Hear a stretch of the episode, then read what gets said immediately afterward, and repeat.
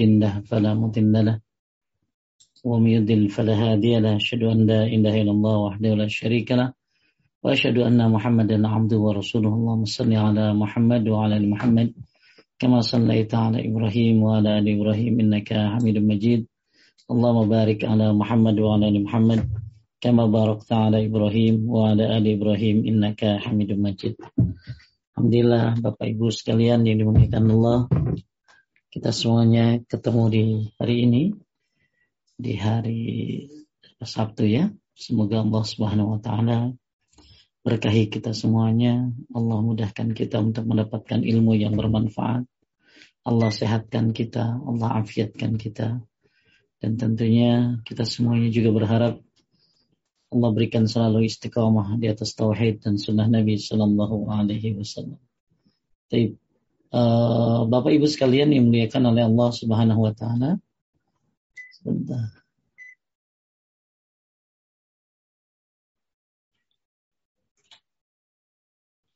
Kita sampai kepada bab 13 ya. Kalau bab 12 hampir sama dengan bab 11 masih tentang nazar. Ini kita masuk kepada bab 13 yaitu termasuk syirik isti'azah meminta perlindungan kepada selain Allah. Sebentar.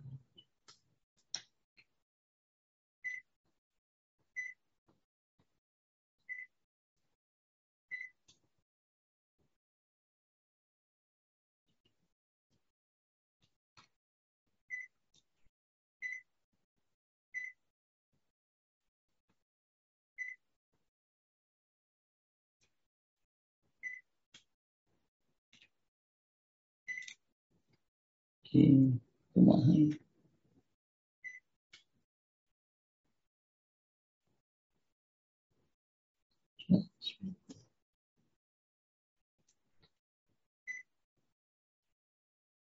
Baik.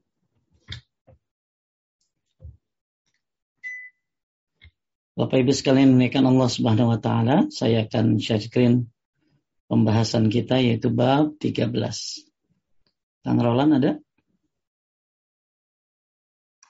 Uh, Rolannya masih belum join Pak Ustadz dengan Feby nih. So, enggak, udah. Enggak apa-apa, saya aja. Bab 13 kelihatan enggak, Feb? Tulisannya kelihatan? Scannya? Kelihatan Pak Ustadz, kelihatan. Termasuk syirik isti'azah atau meminta perlindungan kepada selain Allah. Isti'azah ini apa sih? Ya, isti'azah ini meminta perlindungan ya jadi kalau isti'azah kalau diartikan itu kurang lebih yaitu seperti ini.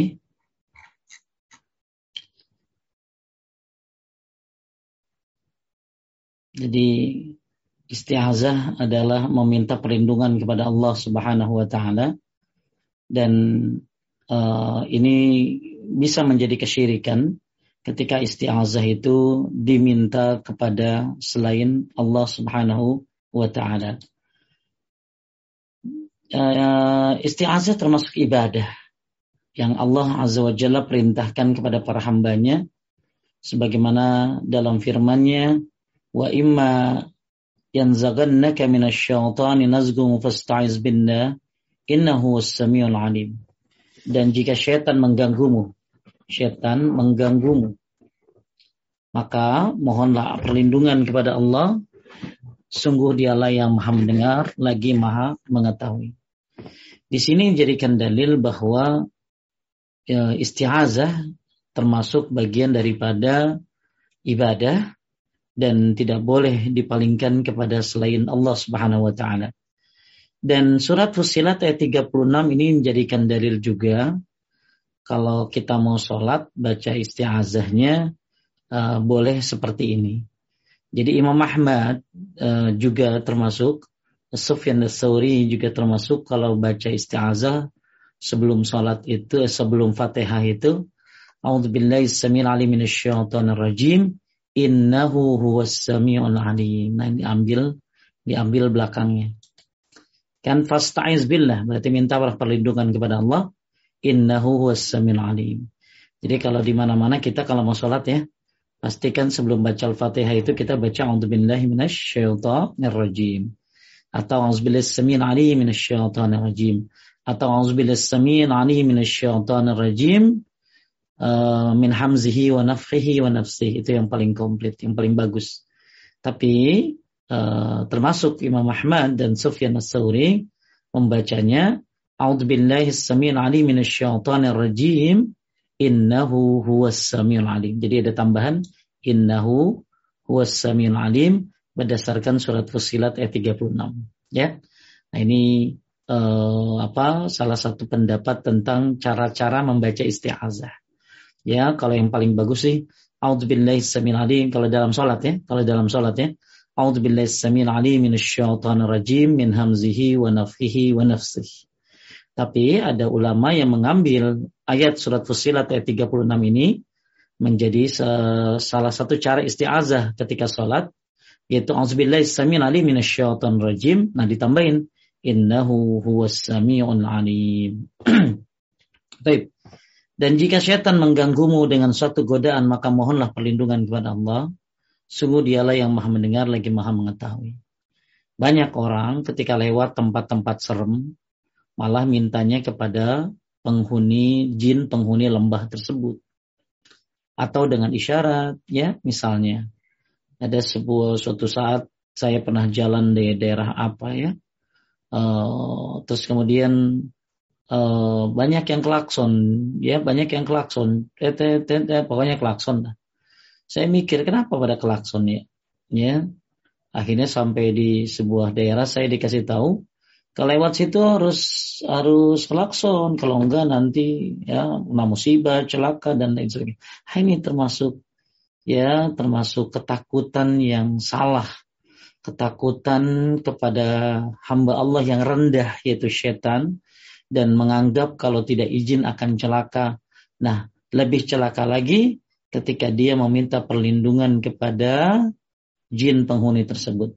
Dengan kalimat numpang-numpang anak sapi mau lewat, numpang-numpang, uh, kami mau lewat, wahai penghuni gunung, ya izinkan kami berkemah. Ah, ini rame lah ya, model kayak begini rame, banyak. Khususnya mungkin ya, mungkin di negeri tercinta ini. Maka tugas kita masih jauh, masih panjang untuk melepaskan model-model perlindungan kepada selain Allah ini banyak terjadi di di negeri kita ya. Jadi eh, nggak eh, boleh nggak boleh orang apa kalau minta perlindungan kepada selain Allah. Jadi kalau kita diganggu oleh syaitan ya minta untuk bindahis ali minasyaitan rajim. Atau ya dengan cara membaca falak dan anas. Maka di sini disebutkan Kul a'udhu birabbil falak. Katakanlah aku berlindung kepada Rabb ya yang menguasai falak, menguasai subuh. Ada yang bilang juga falak ini nama lembah di dalam neraka. Tapi kebanyakan yang benar adalah falak itu adalah subuh. Ya, kita berlindung kepada Rabb yang menguasai subuh. Masya Allah, ya. Betapa kita butuh pertolongan dari Allah untuk melaksanakan ibadah-ibadah seperti tahajud, sholat subuh ke masjid. Maka kita sebelum tidur membaca minta perlindungan kepada Allah dengan baca falak, anas, ayat kursi, kulhu, ya. Lalu kita tiupkan dan kita minta perlindungan kepada Allah agar uh, mudah ibadahnya, ya khususnya sholat subuh berjamaah di masjid. Maka kalau kita lihat ya Uh, terus di bawahnya ada kul bin. Ini juga dalil nih ya. Dalil kalau kita hanya minta perlindungan kepada Allah. Yang pertama, penulis menyebutkan yaitu surat Fusilat ayat 36. Bahwa nggak boleh minta perlindungan kecuali hanya kepada Allah. Kemudian Al-Falak, di sini ada aku berlindung kepada Rab. Tuh, kita berlindung kepada Rab. Ya, kita berarti berlindung kepada Sang Pencipta yaitu Allah Subhanahu wa taala. Kemudian juga dibawakan kul a'udzu birabbin nas. Aku berlindung kepada Rabbnya manusia. Ini tiga dalil ini dijadikan dalil oleh penulis tentang tidak boleh seorang minta perlindungan kepada selain Allah Subhanahu wa taala. Jadi kalau yang Fusilat 36 ini ada dijadikan dalil cara isti'azah ya. Yaitu masih ingat A'udzu billahi samil alim minasyaitonir rajim innahu huwas samil alim khususnya sebelum baca Al-Fatihah. Ya, siapa yang melakukannya Imam Ahmad dan Sufyan ats-Tsauri. Ya, tapi kalau Anda nggak mau pakai itu nggak apa-apa, yang penting baca A'udzubillahi rajim. Nggak usah pakai innahu samil alim. Tapi yang komplit karena dalam kenapa kita disuruh sholat setiap sholat baca isti'azah bahkan setiap rokaat Imam Syafi'i, Syekh Albani, Abu Malik Kamal Said Salim di antaranya uh, apa merojihkan membaca isti'azah setiap rokaat bukan hanya di rokaat pertama saja tapi setiap rokaat ya rokaat kedua sebelum baca Al-Fatihah A'udzubillahi yang paling komplit sih A'udzubillahi samil alim minasyaitonir min hamzihi wa nafkhihi wa nafsihi yaitu yang paling paling komplit. Kenapa boleh dibaca setiap rakaat? Kenapa kita harus baca itu ketika sholat? Karena ya godaan setan yang begitu luar biasa di dalam sholat. Anda bisa rasakan bagaimana godaannya ketika sholat. Masya Allah. Ya luar biasa. Mengingatkan ini, itu, dan lain sebagainya. Maka pantas kita meminta perlindungan kepada Allah sebelum baca Al-Fatihah. Kemudian Falak dan Anas juga adalah dua dalil yang menjadikan dalil bahwa kita hanya berlindung kepada Allah. Bahkan ketika kita uh, apa uh, apa minta perlindungan de, kepada Allah, ya juga bagus dengan baca Falak dan An-Nas. Dari Uqbah bin Amir radhiyallahu anhu berkata, ya, lam tara ayati unzilat lailah lam yura mislahunna. Qul a'udzu bil falaq wa qul a'udzu nas. Tidakkah kamu tahu ayat yang diturunkan malam tadi? Belum pernah ada yang sebelumnya yang seperti seperti apa? Seperti falak dan anas ya yaitu kulang bil falak dan kulang bin nas. Jadi falak dan anas ini termasuk di antaranya adalah dua surat penjagaan. Maka disebut dengan muawizatain dua ayat perlindungan dua ayat perlindungan muawizatain dua ayat perlindungan itu falak dan anas dan uh, disebutkan dalam hadis tadi bahwa lam yura misluhunna Lam yura misluhunna. Belum pernah ada seperti, sebelumnya seperti ini, surat seperti ini. Dalam masalah apa? Dalam masalah perlindungan. Maka saya baca dalam salah satu tulisan ulama salaf bahwa dulu Nabi sebelum turun Falak dan An-Nas itu minta perlindungan dengan membaca ayat-ayat yang lain. Tapi begitu turun Falak dan An-Nas, Nabi minta perlindungan dengan membaca Falak dan An-Nas. Ya, ada juga hadis ya betapa hebatnya Jadi pantas kalau Falak dan Anas di sini dijadikan sebuah dalil bahwa hanya minta perlindungan kepada Allah. Bahkan bukan hanya jadi dalil minta perlindungan kepada Allah, bahkan jadi dalil kalau lagi minta perlindungan kepada Allah, bacalah Falak dan Anas. Karena lam yura misluhunna. Tidak ada yang sepertinya. Ya, tidak ada yang sepertinya sebelumnya. Seperti Falak dan Anas ini. Ini spesial ini. Dua surat yang sering dibaca ya tapi memiliki keutamaan penjagaan yang luar biasa. Bahkan uh, diriwayatkan oleh Abu Dawud ya disebutkan bahwa uh, kuntu akudu bi Rasulillah sallallahu alaihi wasallam fi safar faqala ya Uqbah alau alimaka khaira surataini quri'ata Aku pernah men, apa, menjadi petunjuk jalan Rasulullah Sallallahu Alaihi Wasallam dalam suatu perjalanan. Lalu uh, beliau bersabda, wahai Uqbah, kata Nabi sallallahu alaihi wasallam, "Alau alimuka khairu surat ini?" Uh, wahai Uqbah, maukah aku ajarkan padamu dua surat terbaik yang dibaca? Masya Allah. Falak dan An-Nas bukan hanya dua surat perlindungan, tapi juga termasuk dua surat terbaik yang dibaca. Uh, khairu surataini kuri'ata maka Nabi fa'al uh, fa'allamani maka Nabi mengajarkan Kul a'udzu birabbil falak dan kul a'udzu birabbin nas. Masya Allah. Jadi surat Falak dan Anas ini adalah dua surat perlindungan, kemudian juga termasuk dua surat terbaik. Dua surat terbaik. Jadi Anda yang lagi sholat baca Falak Anas, jangan ini, jangan apa sih? Jangan jangan minder. Anda sedang baca dua surat terbaik ya. Dua surat terbaik. Apalagi kalau ngerti artinya, paham, Masya Allah. Bahkan uh, dalam riwayat uh, milik Abu Daud hadis yang uh, sahih ghairihi disebutkan bahwa uh, ada tatkala uh, sahabat Nabi berjalan bersama Rasulullah sallallahu alaihi wasallam ya uh, uh, apa di antara Juhfah dan Abwa secara tiba-tiba tiba-tiba ya angin tiba-tiba diselimuti angin dan kegelapan angin dan kegelapan tebal bapak-bapak ibu-ibu lagi musim dingin mungkin ya tiba-tiba hujan angin ya dan lain sebagainya Nah, pernah terjadi dengan Rasulullah Sallallahu Alaihi Wasallam yang Nabi itu diselimuti oleh angin dan kegelapan tebal. Maka Rasulullah Sallallahu Alaihi Wasallam ya uh, apa bertawuz, bertawuz, ya beristiazah, meminta perlindungan tuh. Jadi Nabi Wasallam mengajarkan kita meminta perlindungan kepada Allah Subhanahu wa taala. Ya dalam bukan karena setan bukan macam ini, ini cuaca nih. Ini termasuk ya.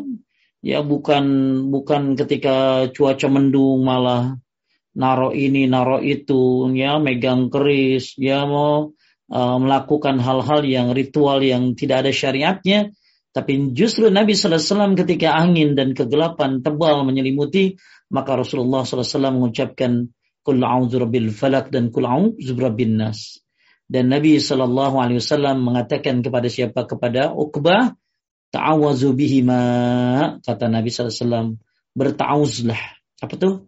Berlindunglah kepada Allah dengan mengucapkan keduanya.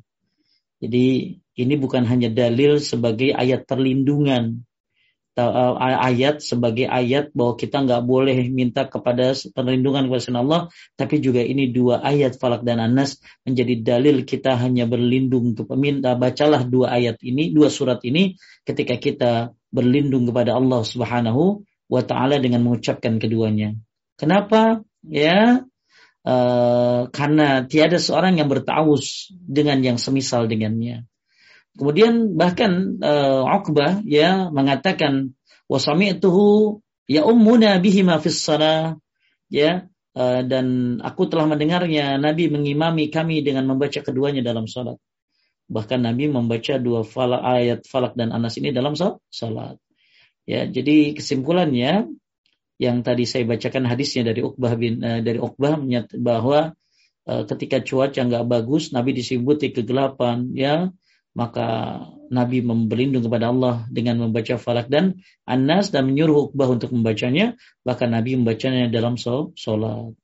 Bahkan uh, diwayatkan dari Ibnu Hibban dalam sahihnya ya disebutkan bahwa uh, ya Rasulullah ya uh, sahabat berkata saya berkata ya Rasulullah bacakanlah kepadaku berapa ayat dari surat Hud dan berapa ayat dari surat Yusuf maka Nabi sallallahu alaihi wasallam mengatakan wahai Uqbah Ya, kata Nabi sallallahu alaihi wasallam, "Innaka lam taqra surat suratan." Sesungguhnya engkau uh, tidak uh, sekali-kali tidak membaca satu surat. Yang apa? Yang ahab ilallah, habba ilallah. Yang surat ini dicintai oleh Allah Subhanahu wa taala, habba ilallah. Ya. Jadi kata Nabi sallallahu alaihi wasallam, ya, wahai Uqbah, sesungguhnya kamu sekali-kali ya tidak membaca satu surat yang lebih disukai Allah. Tuh kalau tadi kan dua ayat perlindungan dua surat terbaik. Nah, ini lain lagi nih. Ternyata satu surat yang disukai oleh Allah. Apa habba ilallah? Surat yang dicint yang disukai oleh Allah itu? Ya itu Nabi mengatakan kul a'udzu bil falak kul a'udzu bil falak bahkan Nabi sallallahu alaihi wasallam mengatakan fa in istata'ta alla tafutaka fi salati faf'al jika kamu mampu untuk tidak meninggalkannya dalam terle tidak meninggalkannya terlewatkan dalam membacanya di dalam salat maka lakukanlah. Inilah Bapak Ibu sekalian menaikkan Allah. Ya luar biasanya kehebatan uh, falak dan dan anas. Ya makanya nggak usah minder baca falak anas. Ya bahkan saya kalau ada orang-orang yang oh Ustaz ada ini ada itu. Baca falak anas saya banyakin. Ya pasti apalah mereka Cuman masalahnya mereka menganggap itu ya falak anas itu hanya sekedar surat-surat pendek yang kayaknya gimana gitu loh. Padahal masya Allah, ya luar biasanya keutamaan falak dan dan anas.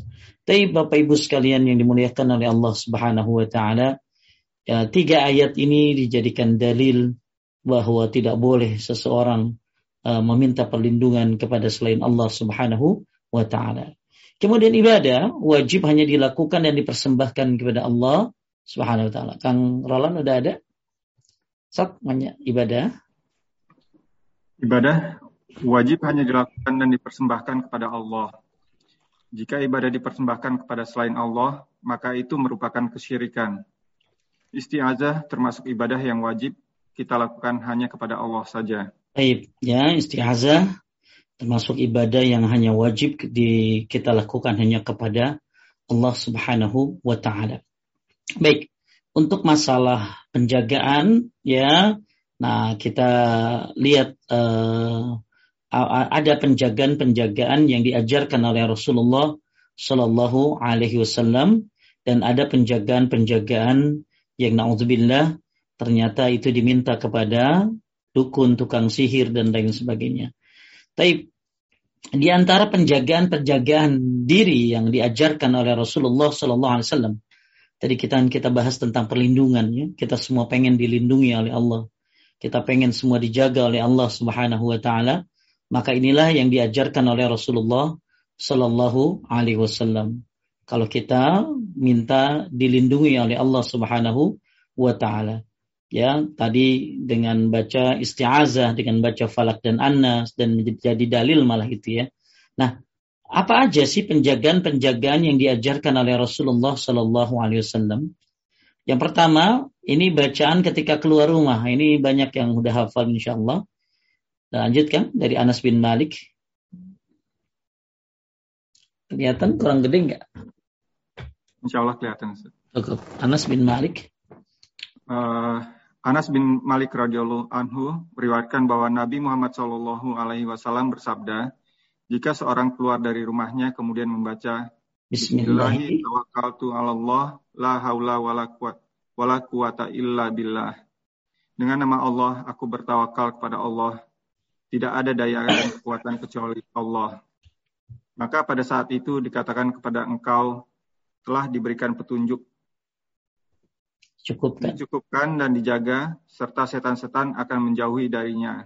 Maka setan yang lain berkata, Bagaimana kamu mengganggu seseorang yang telah diberikan petunjuk, dicukupkan dan dijaga oleh Allah. Masya Allah. Abu Daud dan disahihkan oleh Al Albani Al Albani di dalam Sahih Al Jami. Ya, taib nih ya. Jadi biar dijaga oleh Allah Subhanahu wa taala ketika kita keluar dari rumah bacalah Bismillahirrahmanirrahim. Insyaallah semua udah pada tahu ya. Bismillahirrahmanirrahim. Maka setan akan menjauh dari dia ya bahkan setan akan berkata kepada setan yang lain bagaimana kamu mengganggu seorang yang telah diberi petunjuk dicukupkan dan dijaga ah cuma masalahnya Kang Roland ketika Kang Roland baca ini kebayang nggak kalau bahwa oh ya Kang Roland begitu baca ini sebenarnya Kang Roland sudah diberikan petunjuk, dicukupkan dan dijaga. Yakin ya, di hati itu. Yakini saya baca ini. Jadi kan zikir itu akan lebih hebat kalau bersatu sumbernya dari Nabi Shallallahu Alaihi Wasallam. Zikir itu akan lebih hebat ketika uh, antara hati dan lisan itu connecting. Lisan membaca, hati memahami. Zikir itu akan menjadi sebuah hebat perlindungan yang mumpuni ketika kita tahu apa maknanya, apa keutamaannya. Maka sadarilah ketika kita keluar dengan membaca Bismillahirrahmanirrahim, bukan hanya sekedar di lisan, tapi diyakini di hati bahwa kita telah diberi petunjuk, dicukupkan dan dijaga. Diberi petunjuk, dicukupkan dan dijaga. Bahkan setan sampai berkata kepada setan yang lainnya, bagaimana engkau akan mengganggu dia yang telah diberi apa petunjuk, telah dicukupkan dan telah dijaga. Cuma apakah ada di hati kita uh, penghayatan tentang kalimat ini? Ya, tapi masya Allah kita nggak pakai penghayatan aja udah dijaga ya Kang ya. Kita nggak pakai penghayatan aja udah dijaga. Gimana kalau pakai peng penghayatan? Ya, pemahaman. Ya, akhirnya munculkan kepedean kan, rasa pede, masya Allah. Allah akan jaga kita. Bahkan termasuk ya yang uh, bacaan ketika kita turun di sebuah tempat. Ini penjagaan juga. Sa'ad bin Abi Waqqas ya yaqulu sami'tu Haulah bint bint Hakim uh, As-Sulaimiyah taqulu Sami'tu Rasulullah sallallahu alaihi wasallam yaqul man nazala manzilan summa qala bi kalimatillahi tammati min syarri lam yadurhu syai'un hatta yartahila min manzilihi zalik. Artinya kan? Sa'ad bin Abi Waqqas bin Abi Waqqas radhiyallahu anhu berkata, Kaulah binti Hakim As-Sulaimiyah radhiyallahu anha berkata, Aku telah mendengar Rasulullah Shallallahu Alaihi Wasallam bersabda, Barang siapa yang singgah di sebuah tempat lalu ia mengucapkan A'udzu bi tammati min syarri ma khalaq. Aku berlindung dengan kalimat-kalimat Allah yang sempurna dari keburukan yang tercipta. Maka tidak ada sesuatu apa pun yang membahayakannya sampai ia pergi dari tempat itu. Hadis riwayat Muslim. Tuh, jadi kalau akan transitnya lagi naik mobil uh, apa lagi naik mobil mungkin berhenti di rest area ya atau apa ya lagi dah lagi keluar negeri tiba-tiba pesawatnya transit bacalah A'udzu bikalimatillahi tammati min syarri ma Orang taunya ini jikir sore doang ya Kang ya. Ya, ini kan jikir sore ini. Kalau pagi nggak ada ini. Ini jikir sore ini dibaca tiga kali. Ya, tapi juga ini dibaca ketika kita singgah di sebuah tempat. Ya, jadi dulu kan lagi zaman-zaman jahiliyah. Saya tuh kalau ke daerah-daerah itu ngapalin nama-nama wali siapa di daerah situ. Terus begitu ke Jakarta misalnya, saya minta perlindungan kepada wali yang di Jakarta saya sebutin namanya. Terus gebrak kaki tiga kali. Ya, nah begitu ke mana saya? Ya, jadi dulu pemikiran saya itu dulu ya, lagi zaman-zaman jahiliyah bahwa para wali ini bisa memberikan perlindungan kepada kita. Bahkan diyakinkan bahwa mereka itu sekarang masih hidup menjaga daerahnya. Nah, ini nggak benar, keyakinan yang batil ini. Ya, Allah itu nggak butuh penjagaan dari manusia, nggak butuh ya. Ya, Allah itu nggak butuh kita ikut campur dalam penjagaan. Allah kan udah disebutkan Rob. Apa artinya Rob? Yang mengatur. Ya, yang Rob yang mengatur, yang menguasai, yang memiliki. Rabbul Alamin. Gak butuh manusia ikut campur dalam dalam penjagaan langit dan bumi. Manusia jaga diri sendiri aja gak bisa, ngapain jaga daerahnya. Gitu. Ya, apalagi orang mati, ya. Dia urusannya urusan akhirat. Ngapain jagain daerahnya. Agak kaget juga saya Kang. Waktu itu ada sebuah daerah banjir Kang. Kemudian ada yang komen di akhirnya kan posting ya, posting ada orang banjir posting di sosmed. Akhirnya ada yang nyaranin segera kalian pergi ke kuburan Kiai Anu Kiai Anu karena Kiai itulah penjaga daerah tersebut. Segera ziarah, segera ziarah. Orang banjir mah kudunya ya ngungsi dia banjir ziarah, dia ziarah kubur. ya, orang kalau ke banjir ngungsi, kalau banjir ya minta tolong, kemudian ya sebenarnya gini Kang, minta tolong itu eh, apa eh, apa eh, minta tolong kepada yang mutlak, yang pasti itu hanya kepada Allah. Tapi bolehkah minta tolong kepada manusia? Ya, yang segala selama urusan manusia gitu loh. Minta tolong sama polisi gitu loh ya minta tolong sama polisi boleh itu ya tapi kalau minta tolong sama mayit ya yang memang tidak diajarkan minta tolong sama penghuni kubur nah ini nggak boleh ya makanya uh, uh, apa perlu diperhatikan bahwa uh, meminta tolong ini yang mutlak yang pasti hanya kepada Allah Subhanahu wa taala. Cuma dibolehkan meminta tolong kepada manusia selama manusia itu memang sanggup dan dia ada dan dia bisa gitu loh. Tolong dong ya saya minta tolong sama istri saya ngambilin air minum ya. Boleh lah ya masa saya apa uh, apa dibolehkan itu ya dibolehkan itu saya dizolimi orang minta tolong sama polisi boleh itu ya sambil saya terus berdoa kepada Allah Subhanahu wa taala. Tapi meminta tolong kepada selain Allah dan selain yang disyariatkan ya yang tadi ya uh, kepada manusia boleh akan tetapi selama manusia itu memang mampu ya mampu dan hidup dia. Tapi kalau kepada mayit kuburan maka tidak boleh. Jadi itu malah banjir malah dia disuruh ziarah kubur bahwa penghuni kubur itu kiai itu adalah penjaga daerah tersebut. Nah, ini keyakinan yang batil ya. Jadi eh, ketika kita eh, sampai di sebuah daerah sebuah tempat dulu zaman jahiliyah ya saya suka eh, nyebutin wali anu karena dia penjaga Jakarta penjaga Bandung penjaga wah ya ya ribet dah ya. Cukup Anda katakan A'udzu bi kalimatin dahi tammati min syarri ma khalaq. Ya, Masya Allah. Susah Kemudian ya, Ustaz, kalau ah? di London banjir, ziarah kuburnya ke mana kalau kayak gitu?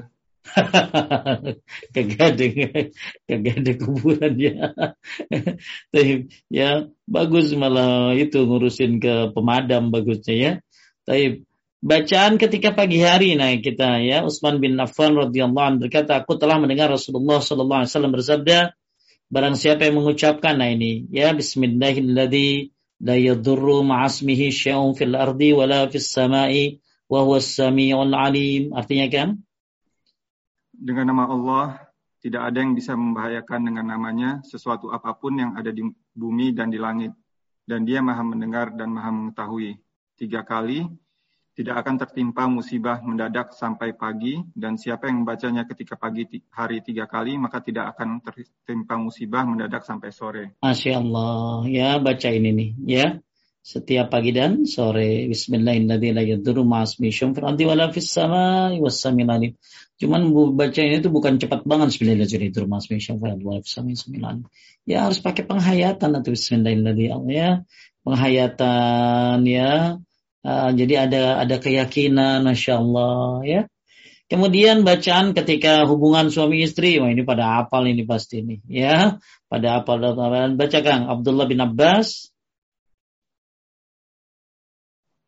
Abdullah bin Abbas radhiyallahu anhuma berkata Rasulullah Shallallahu alaihi wasallam bersabda, jikalau seorang ingin menggauli istrinya dan kemudian membaca Bismillahi Allahumma jan jannibna syaitan syaitan wa jannibna syaitan ma razaqtana ma razaqna ma razaqtana nanti kagak nama Allah Ya Allah, jauhkanlah kami dari setan dan jauhkanlah setan dari apa yang engkau rizkikan kepada kami.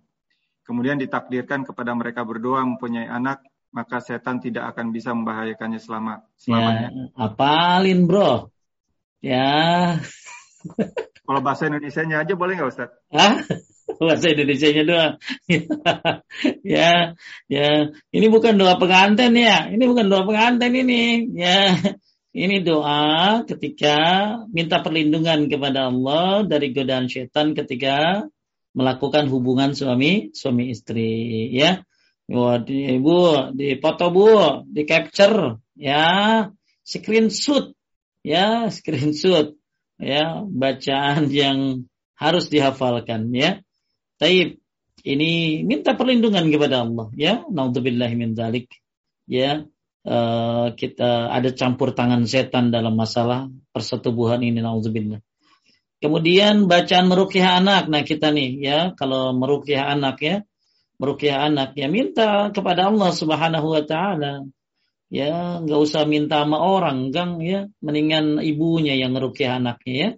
Lebih baik anaknya dirukyah sama emaknya ya. Emaknya kan pasti mustajab. Kalau kiai kan belum tentu mustajab kan bukan bapaknya dia ya. Jadi doa yang mustajab kan orang tua kepada anaknya orang puasa musafir ya. Orang yang dizolimi. Maka seorang tua lebih berhak merukyah anaknya saya pernah waktu itu ada orang ya, anaknya itu bisa ngelihat yang apalah, ketakutan mulu orangnya gitu loh. Saya bilang, ibu baca jikir pagi sore sambil peluk dia deh. Ya, ya terus juga ada seorang anak muda yang kayaknya masya Allah, ya, disihir ya, sehingga entah sama pacarnya atau siapa jadi kayak orang yang gila begitu ya. Ya saya bilang, ibu rukyah anak ibu sendiri ya insya Allah rukyah seorang ibu uh, lebih utama, lebih manjur daripada orang lain. Maka doakan Ibnu Abbas radhiyallahu anhu berkata, ya, ya yu'awizul Hasan wal Husain. Jadi Nabi Shallallahu alaihi wasallam uh, apa? meminta uh, perlindungan untuk siapa Hasan dan Hussein. Kemudian uh, apa bahkan uh, dikatakan bahwa inna abaku makana yu'awizu biha Ismail wa Ishaq. Bahkan sesungguhnya bapak kalian berdua, apa maksudnya Nabi Ibrahim, senantiasa membaca-baca untuk perlindungan Ismail dan Ishak. Jadi Ismail dan Ishak pun dibacakan oleh Nabi Ibrahim dengan doa ini, minta perlindungan kepada Allah, ya dengan doa ini, ya beristiazah kepada Allah dengan doa ini. Termasuk Nabi Shallallahu Alaihi Wasallam beristiazah dengan doa ini untuk Hasan dan Husain maka kita juga bagus beristiazah buat anak kita sebagaimana Nabi Ibrahim beristiazah buat Ismail dan Ishak, sebagaimana Nabi Muhammad Shallallahu Alaihi Wasallam beristiazah buat Hasan dan Husain. Ya, apa itu? A'udzu bikalimatin la tatamati min kulli syaitanin wa hammatin wa min kulli ainin lamatin. Ya, a'udzu bikalimatin lahi tammati min kulli syaitanin wa hammatin wa min kulli ainin lammatin. Apa artinya? Atika? Aku berlindung dengan kalimat-kalimat Allah yang sempurna dari setiap setan dan binatang yang beracun dan dari setiap mata yang menyakitkan. Masya Allah. Kang musim hujan nih Kang. Ya banyak ular. Ya, ya kan ya. Nih baca di rumah nih. Ya biar Allah jaga kita dan keluarga kita. Dari apa? Dari setan. Ya, dari apa? Dari binatang yang beracun. Saya berapa hari yang lalu uh, di data apa ada seorang ibu WA di rumahnya banyak ular, Kang. Di rumahnya banyak ular. Ya, semoga Allah menjaga kita, ya. Makanya uh, kita minta perlindungan kepada Allah Subhanahu wa taala dengan membaca doa ini agar dihindari dari binatang yang beracun. Terus kemudian dari setiap mata yang menyakitkan. Maksudnya apa ain ya ain ya dari ain dari ain ya dari setiap mata ain maksudnya. Jadi ini bagus dibaca uh, ketika kita merukyah siapa tadi? Anak kita ya. Cucu kan Nabi sama cucunya nih ya. Sebagaimana Ibrahim Nabi Ibrahim alaihissalam kepada Ismail dan Ishak ya. A'udzu bi kalimatillahi tammati min kulli syaitanin wa hammatin wa min kulli ainin lammatin. Supaya dilindungi dari setan dari binatang ya. Dari setiap ain ya. Dari setiap ain maksudnya di sini. Insyaallah ya. Uh, ini apa uh, khususnya lagi musim hujan ini banyak demam berdarah ya. Kalau di London ada demam berdarah kan apa demam ya, bola? nggak ada Ustaz. Hah? nggak ada demam berdarah ada, ya? Eh, demam bola ya?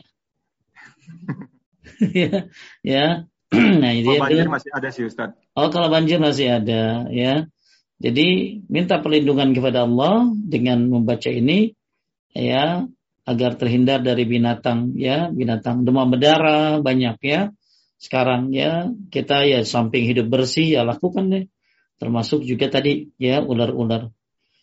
Kemudian ya, kita juga minta perlindungan kepada Allah ya dengan membaca surat Al-Baqarah. Ya, Lanjutkan Abu Abu Umam Al-Bahili. Abu Umam Al-Bahili radhiyallahu anhu berkata, Aku telah mendengar Rasulullah Shallallahu alaihi wasallam bersabda, Bacalah surat Al-Baqarah, sesungguhnya membacakannya berkah dan meninggalkan kerugian serta tukang sihir tidak bisa mengalahkannya. Hadis Jadi siapa yang baca Al-Baqarah, ya, maka yang membacanya itu berkah. Ya, fan akhazaha barakah Watarkaha hasrah. Siapa yang meninggalkannya rugi. Maka disuruh Kang baca Al-Baqarah beres balik lagi, beres balik lagi, ya. Apalagi yang memang di dalam rumahnya ada banyak masalah, Kang. Ya, makanya ikrau surat Al-Baqarah. Fa inna syaitan tafiru minal bait allati tuqra'u fihi surat Al-Baqarah. Baca surat Al-Baqarah karena setan itu lari dari rumah yang dibacakan surat Al-Baqarah. Dan ibu-ibu pasti suka ada yang nanya di akhir Kang, boleh nggak Pak Ustadz lima ayat pertama, kemudian ya dua ayat terakhir, terus tambah ayat kursi, enggak baca semuanya bu, ya baca semuanya. Jadi yang bagus dibaca semuanya. Jadi uh, baca surat Al-Baqarah karena setan itu lari dari rumah yang dibacakan surat Al-Baqarah dan uh, disebutkan di sini bahwa uh, al-batalah tidak akan masuk ya. Al-batalah ini tukang sihir. Tukang sihir tidak akan masuk sihirnya. Ya, Masya Allah nih. Ajib banget, luar biasa keutamaan surat Al-Baqarah. Ya biasanya saya kalau ada hal-hal yang negatif, ya ada ustaz, ustaz banyak ini di rumah, banyak ini di rumah. Cuman jangan selalu nyalahin sihir ya Kang ya. Ya kata, jadi pernah ada yang nanya, banyak kecoa di rumah Pak Ustaz, banyak semut. Itu mah kurang bersih kali hidup lu gitu loh ya. Itu mungkin kotor kali gitu ya. Jadi jangan semua di di di apa diserbakan ke sihir gitu loh. Mungkin ya mungkin banyak kecoa ya mungkin kurang bersih kali rumahnya gitu loh jadi bagus baca Al-Baqarah. Kenapa? Karena membacanya berkah. Bertambah banyaknya kebaikan dalam baca Al-Baqarah ini. Ya, surat seribu hikmah. Ya, kemudian meninggalkan yang merugikan, tukang sihir tidak akan bisa mengalahkannya. Nah, ini pernah kejadian kan. Ada ibu-ibu ya, uh, lagi ngurusin kasus suaminya itu. Saya juga nggak ngerti kok orang-orang kayak gitu tuh main-main sihir aja ya. Itu di rumahnya tuh ular hitam banyak nih. Ular hitam gitu. Kemudian akhirnya dia nangis bilang, e, ibu baca apa emang? Maksudnya penjagaan, saya baca Yasin Pak Ustadz. Ya, ya Yasin bagus bu. Cuma untuk kasus kayak begini ini bagus baca Al-Baqarah. Berapa lama dia datang udah tersenyum udah nggak ada Pak Ustadz. Sampai-sampai suaminya itu nggak berani pulang. Nggak berani pulang ke rumah. Jadi kayaknya pandangannya tidur rubah banyak ular semuanya itu. Ya, nah ini baca Al-Baqarah bu. Ya, Kemudian baca dua ayat terakhir surat Al-Baqarah. Ini bagus buat perlindungan juga nih. Ya, lanjutkan. Abu Mas'ud. Abu Mas'ud radhiyallahu anhu berkata, Rasulullah shallallahu alaihi wasallam bersabda, barang siapa yang membaca dua ayat terakhir dari surat Al-Baqarah di waktu malam, maka Allah akan menjaganya. Ya, kafatahu ini banyak artinya kan ya penafsirannya banyak. Ada yang dibilang dicukupkan ya dicukupkan. Jadi siapa yang membaca dua ayat terakhir surat Al-Baqarah amanar rasul bima unzila ilaihi rabbi wal mu'minun kullun amana billahi wa malaikatihi wa kutubihi wa rusulihi la nufarriqu baina ahadin min rusulihi wa qalu sami'na wa ata'na ghufranaka rabbana wa ilaikal masir la yukallifullahu nafsan illa wus'aha لها ما كسبت وعليها ما اكتسبت ربنا لا تؤاخذنا إن نسينا وأعطانا ربنا ولا تحمل علينا إسرا كما حملت على الذين من قبلنا ربنا ولا تحملنا ما لا طاقة لنا به واعف عنا واغفر لنا وارحمنا أنت مولانا فانصرنا على القوم الكافرين Siapa yang membaca apa tadi? Siapa yang membaca doa uh, dua ayat terakhir surat Al-Baqarah maka dia kafatahu. Ada yang menafsirkan dicukupkan. Ya, maksudnya dijaga dari gangguan setan. Ada yang juga bilang dicukupkan dari tahajud, Kang. Dicukupkan dari tahajud ya dari sholat malam maksudnya ya jadi ya, syukur-syukur kita baca ini sebelum tidur kita baca kita juga sholat malam ya jadi ada beberapa penafsiran tentang arti daripada uh, kafatahu ini ya kafatahu ini nah uh, cuma setahu saya yang banyak diartikan itu penjagaan ya Allah akan cukupkan dia dari digang dari gangguan ya Allah akan jaga dia maka bagus sebelum tidur kita baca dua ayat terakhir surat Al-Baqarah. Kemudian baca ayat kursi ketika hendak tidur kita pasti tahu ya. Dari Abu Hurairah radhiyallahu bercerita Rasulullah SAW pernah bertanya kepada aku apa yang dikerjakan oleh tawanan tadi malam. Aku menjawab wahai Rasulullah dia mengajak kiri beberapa bacaan ya Allah aku yang yang Allah akan memberikan manfaat kepadaku dengan bacaan tersebut. Lalu aku pun membebaskan dan Nabi bertanya apakah itu aku menjawab dia berkata jika kamu hendak menuju kasurmu, maka baca ayat kursi dari awal sampai selesai. Dan dia berkata kepadaku, selalu akan ada penjaga bagimu dari Allah dan tiada ada setan yang mendekatimu sampai pagi. Jadi ceritanya ada setan yang ditangkap ya kan, setan ditangkap oleh sahabat Nabi. Ya, kemudian akhirnya jadi tangkapnya tuh ya ditangkap gini Kang ya, bukan dimasukin botol, tangkap biasa ya, tangkap biasa gitu. Tangkap uh, karena setan mungkin dia melakukan apa menjelma menjadi manusia ya. Kemudian ditangkap uh, berapa berapa kali akhirnya dia dibebaskan. Kemudian dia ngajarin ya. Kalau mau tidur jangan lupa baca ayat kursi. Karena apa? Ya, karena siapa yang membaca itu maka ada penjaga bagimu dan tidak ada setan mendekatimu sampai pagi. Maka Nabi membenarkan, ya membenarkan. Walaupun setan itu sebenarnya pendusta, tapi untuk masalah ini Nabi membenarkan. Ya, jadi masya Allah, ya baca ayat kursi sebelum tidur nih bagus ya, Bapak Ibu Apalagi Bapak Ibu bukannya sekedar baca, tapi tahu, oh dengan baca ini saya akan ada penjagaan dari Allah dan gak ada setan yang mendekati kita sampai pagi. Kemudian bangun pagi dengan mengucap nama Allah dan berwudu lalu sholat subuh ini termasuk juga ya melepas ikatan setan kan.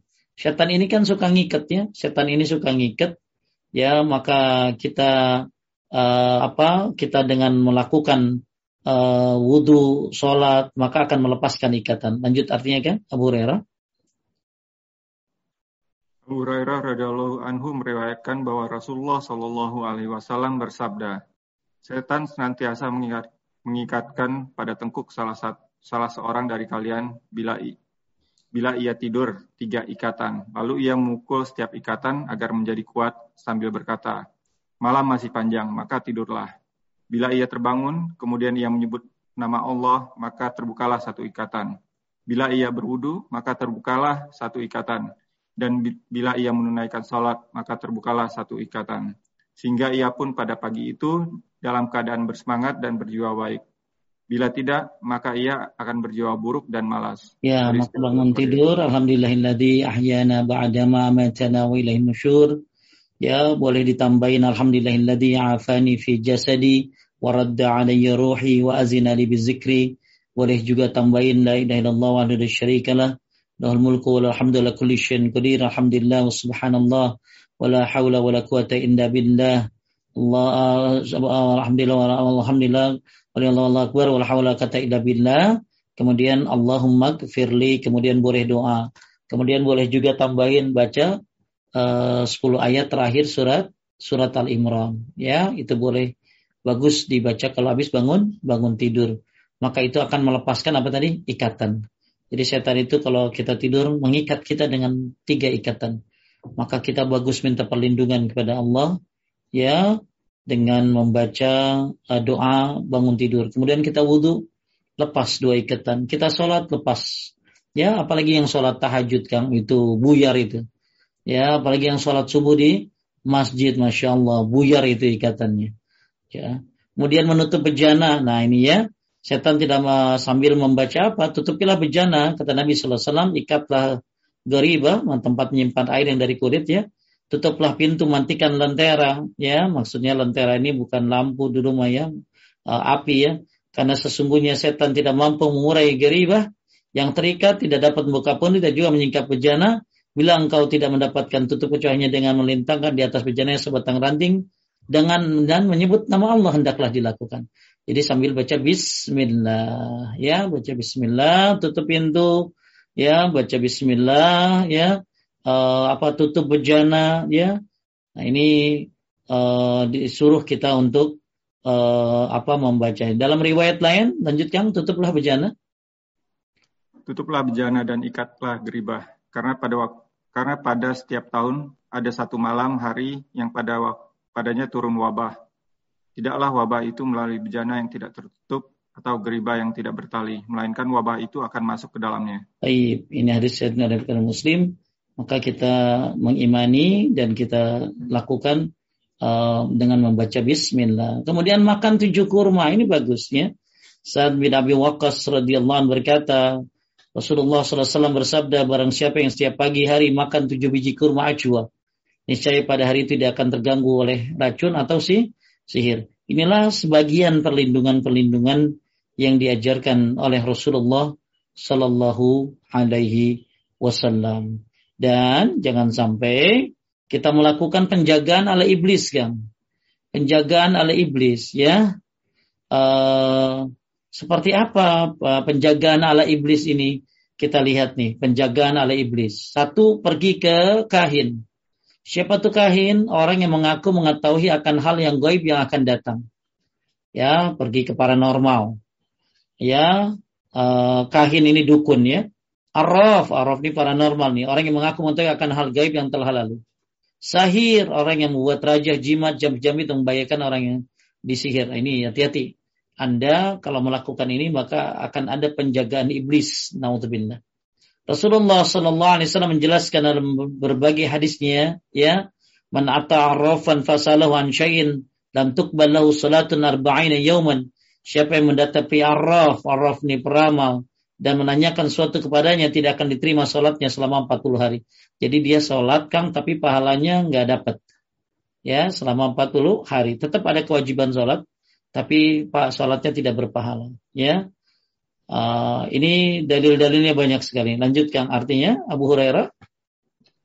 Abu Hurairah radhiyallahu anhu meriwayatkan apa bahwa Nabi Shallallahu alaihi wasallam bersabda, barang siapa yang mendatangi kahin atau arraf dan membenarkan apa yang ia katakan, maka sungguh telah kafir terhadap apa yang diturunkan kepada Muhammad Shallallahu alaihi wasallam. Masya Allah, hati-hati ya Bu ya. Mendatangi dukun paranormal ya Nah, ini uh, maka dia telah uh, fakat kafir bima anzala ala Muhammadin sallallahu alaihi wasallam. Kemudian lanjut uh, dari Imran bin Husain radhiyallahu anhu yang menuturkan Rasulullah sallallahu alaihi wasallam bersabda bukan dari golongan kami orang percaya kepada nasib sial dan yang minta diramal tentang nasib sialnya atau yang melakukan praktek dukun dan yang didukuni atau yang menyihir atau yang meminta bantuan sihir Barang siapa yang mendatangi dukun dan membenarkannya apa yang dikatakannya, maka sungguhnya telah kafir pada apa yang diturunkan kepada Muhammad sallallahu alaihi wasallam. Ini perlindungan ala iblis. Kalau tadi perlindungan ala Rasulullah sallallahu alaihi wasallam ya yang hanya meminta perlindungan kepada Allah Subhanahu wa taala saja. Ya, karena memang isti'azah adalah ibadah maka tidak boleh dipalingkan kepada selain Allah. Kemudian yang kedua, perlindungan oleh iblis adalah memakai jimat dengan segala macam bentuknya. Ya, lanjutkan Uqbah bin Amir Al-Juhani Kang Rola. Uqbah bin Amir Al-Juhani radhiyallahu anhu meriwayatkan bahwa Rasulullah Shallallahu alaihi wasallam didatangi oleh sekitar 10 orang Kemudian beliau membaiat sembilan dari mereka dan menahan satu orang. Lalu mereka bertanya, Wahai Rasulullah, engkau telah membaiat sembilan dan engkau sisakan satu orang ini. Kemudian Rasulullah Shallallahu Alaihi Wasallam menjawab, sungguhnya orang ini memakai jimat.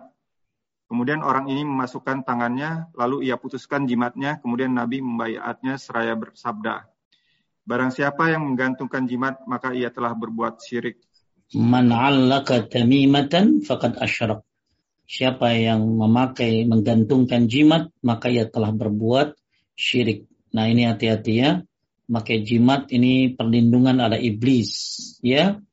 Kemudian pergi ke kuburan keramat bukan untuk ziarah tapi untuk ngalap berkah. Nah, ini banyak nih. Ya. An Abi Hurairah anin Nabi sallallahu alaihi wasallam, "Allahumma la taj'al qabri wasanan Allah kauman ittakhadhu kubur anbiya'ihim masajid. Abu Hurairah radhiyallahu an meriwayatkan bahwa Rasulullah sallallahu alaihi wasallam bersabda, "Ya Allah, janganlah jadikan kuburanku sebagai berhala."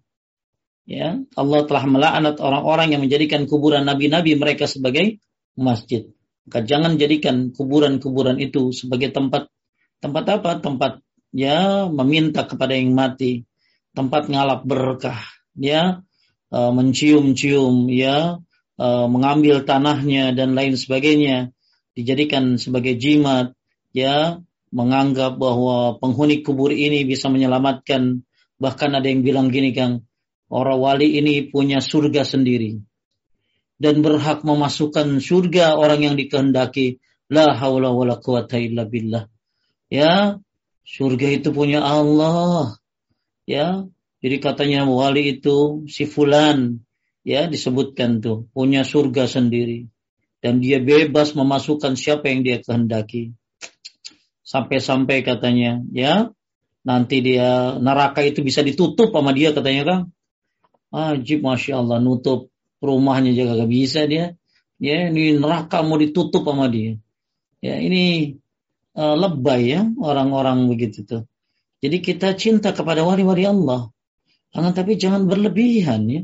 Sehingga menjadikan mereka udah seperti seperti apa? Sebagai seperti Tuhan. Menjadikan mereka seolah-olah bisa berkehendak gitu loh. Ya. Nah ini uh, Bapak Ibu sekalian, inilah perlindungan ala iblis.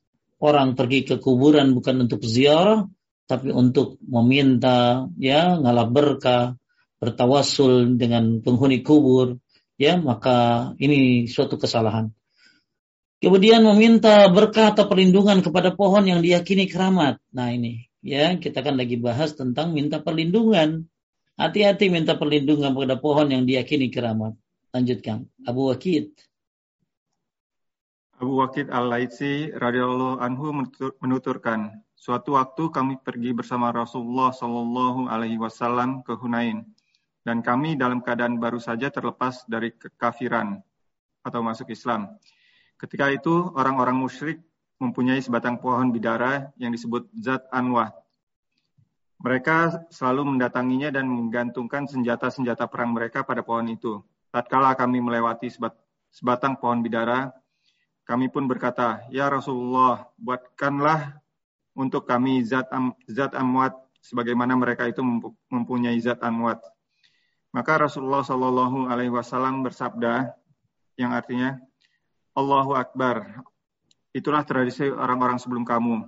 Dan demi jiwaku yang berada di tangannya, kalian benar-benar telah mengatakan suatu perkataan seperti yang dikatakan oleh Bani Israel kepada Musa. Buatkanlah untuk kami sembahan sebagaimana mereka itu mempunyai sembahan-sembahan. Musa menjawab, sungguh kalian adalah kaum yang tidak mengerti.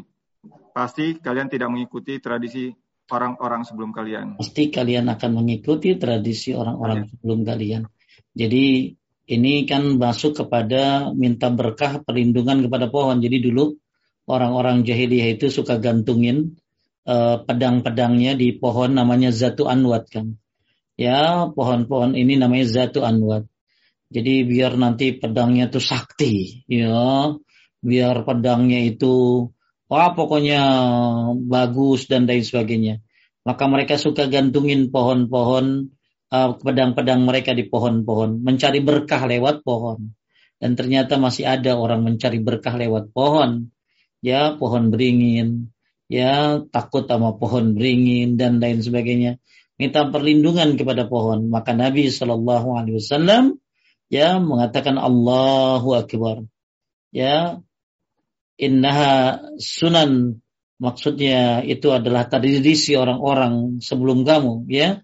Ya jadi uh, Nabi Shallallahu Alaihi Wasallam tidak mau membuka pintu kesyirikan lagi ya. Itu tradisi orang-orang jahiliyah. Maka Nabi Shallallahu Alaihi Wasallam menceritakan tentang bagaimana dulu umat Nabi Musa juga minta dibuatkan Tuhan. Sebagaimana uh, Tuhan uh, apa sebagaimana ada orang yang menjadikan apa uh, sapi sebagai Tuhan. Maka Nabi Musa mengatakan, Innakum kaumun tajhalun. Kalian adalah kaum yang tidak mengerti. Jadi hati-hati meminta perlindungan kepada pohon ya yang diyakini keramat. Di Indonesia masih ada Kang ya, ya pohon yang diyakini keramat kayak gini. Di London kayaknya nggak ada Kang ya. Apa Kang? Ada? Hal-hal seperti ini? Saya belum ketemu tuh Ustaz. Ya belum ketemu ya. Orang nyembah pohon gitu ya, astagfirullah. Orang minta tolong sama pohon. Kalau ada tempat-tempat yang serem mereka lakukan apa kan? Uh, nggak ada sih Ustaz. Orang juga ada di dekat kantor ada makam gitu. Orang makan siang juga di makam situ. Jadi duduk-duduk juga nggak nggak ada masalah. Udah berteman ya. Ya, ya udah nyantai ya. Tapi ya ya, ya apa Masya Allah ya. Kita ya harusnya kita memiliki keimanan ya yang bagus sehingga kita tidak meyakini bahwa ya yang mati itu ya udah mati nggak bisa ngapa-ngapain ya. Kalaupun ada yang ganggu itu korin itu mah ya. Kalau mait mah nggak bisa nggak bisa nggak bisa bangun lagi udah dalam alam barzah kan ding ding itu.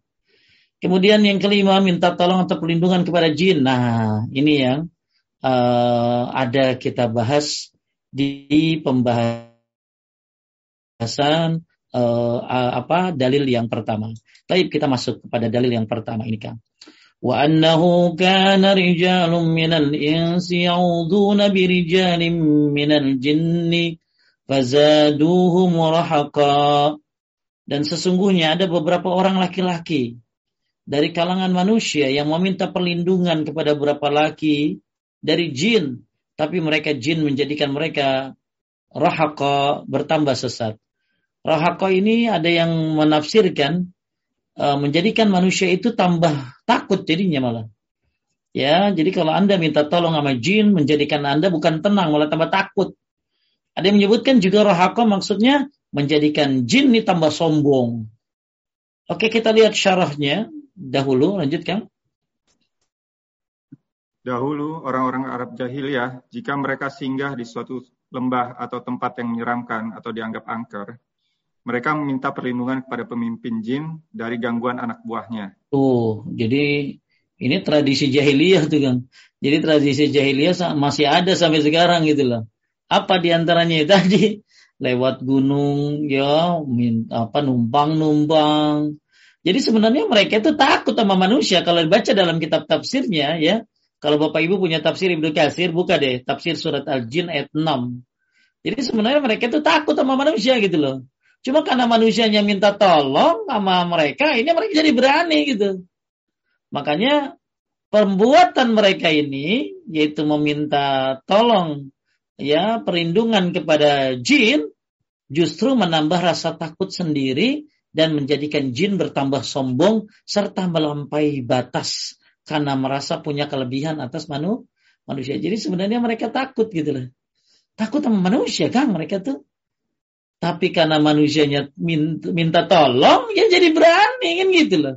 Ya, nah ini ya silakan ya, masya Allah kalau bapak ibu punya tafsir Ibnu Katsir ya, atau buka di tafsir web ya tentang surat Al-Jin ayat 6 ini, ya Anda akan lihat ya penafsiran-penafsiran dari ulama-ulama salaf tentang bagaimana uh, mereka ini sebenarnya takut kepada manu, manusia.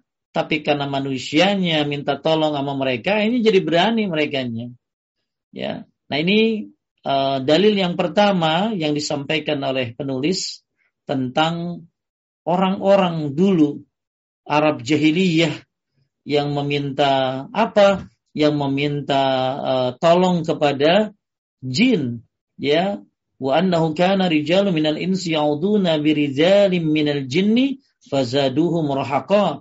Dan ternyata orang yang meminta perlindungan kepada jin ini bukan tambah berani malah tambah takut ya malah jinnya tambah sombong. Kita lihat faedahnya. Nomor satu lanjutkan. Faedah nomor satu, haramnya meminta perlindungan kepada selain Allah. Dan yang kedua, barang siapa yang berlindung kepada selain Allah, maka Allah akan menghinakan orang tersebut. Yang ketiga, berlindung kepada selain Allah akan mendatangkan rasa takut dan kelemahan. Empat, maka sebaliknya, bahwa berlindung hanya kepada Allah semata akan mendatangkan kekuatan dan keamanan. Lihat kelima. Kelima, penetapan tentang keberadaan jin dan yang keenam, di antara jin ada yang laki-laki dan juga ada yang perempuan. Taib, ya. Uh, ini juga hadis ini ya sudah tadi kita bahas di Kang. Ya, tentang apa? Tentang kalau kita singgah di sebuah daerah. Ya, tadi kan udah baca apa tadi Kang? A'udzu bikalimatillahi tammati min syarri ma Ini dalil yang kedua, ya. Jadi bab 13 ini selesai ini. Dari Kaulah binti Hakim radhiyallahu anha dia bercerita aku mendengar Rasulullah wasallam bersabda Siapa yang singgah di suatu tempat lalu membaca doa bi kalimatil tammati min syarri maka tidak ada sesuatu pun yang akan membahayakan dirinya sampai ia beranjak dari tempatnya. Nah, ini makanya uh, ini faedahnya ya. Kita lihat uh, syarahnya dulu. Lanjutkan Nabi. Nabi Shallallahu Alaihi Wasallam memberikan bimbingan kepada umatnya untuk beristiazah yang bermanfaat yang dapat menolak segala bahaya yang dikhawatirkan manusia saat singgah di suatu tempat, yaitu dengan beristiazah dengan kalamullah yang manjur dan mencukupi serta sempurna dari semua keburukan dan kekurangan, supaya mendapat keamanan selama berada di tempat tersebut dari gangguan yang buruk. Yaitu bacaan A'udzubikalimatillahit tammati min syarri Baik faedahnya nomor satu disyariatkan beristiazah. Apa tahu istiazah minta perlindungan dengan kalimat Allah. Sebab kalimat Allah itu termasuk sifat Allah, sedangkan sifat Allah itu bukan makhluk. Ya, maka minta perlindungan kepada Allah dengan membaca kalimatnya. Ya, di antaranya adalah A'udzu bi kalimatillahi tammati min syarri ma khalaq. Atau dengan baca surat apa tadi kan? Falak dan dan An-Nas ya dengan membaca ayat kur kursi ya sebagaimana tadi sudah kita bahas. Kemudian Al-Qur'an adalah kalam Allah dan bukan makhluk ya. Kemudian isti'azah dengan selain Allah atau dengan selain sifat-sifatnya adalah syirik ya nggak boleh minta tolong kepada selain Allah. Kemudian penjelasan isti'azah yang disyariatkan sebagai ganti dari meminta perlindungan kepada jin, penghuni kubur dan lain-lain. Ya. Kemudian keutamaan doa yang diajarkan oleh Rasulullah Sallallahu Alaihi Wasallam walaupun singkat, doanya singkat banget ya. A'udzu bikalimatillahi tammati min syarri ma Tapi sudah menyeluruh tuh. Akan tapi yang perlu diperhatikan adalah bahwa doa dan ta'awuz meminta perlindungan adalah ibarat senjata pedang. Sedangkan senjata tersebut tergantung tangan seorang yang makanya bukan hanya mengandalkan ketajaman saja. Seandainya, tolong, tolong kan, seandainya, seandainya senjata, seandainya senjata, seandainya senjata pedang tersebut sempurna atau tajam dan tidak cacat atau tidak berkarat, kemudian tangan yang menggunakannya itu kuat serta tidak berpenghalang, maka senjata itu bisa mengalahkan musuh. Kalau tidak terpenuhi salah satu dari tiga hal ini, maka senjata tersebut tidak membekas. Ngerti nggak, Kang? Jadi doa itu bukan hanya, jadi gini, doa itu ibarat senjata, Kang ya. Tapi senjata itu kan bagi yang megang, betul? Kalau senjatanya tajam bagus, tapi tangannya letoy, ya gimana mau diangkat itu? Maka ketika Anda punya doa, ya doa itu kan ibarat senjata. Kemudian uh, Anda memiliki apa keyakinan dengan doa ini, ya, kemudian Anda paham doa ini, maka ini akan mujarab luar biasa kan. Ya.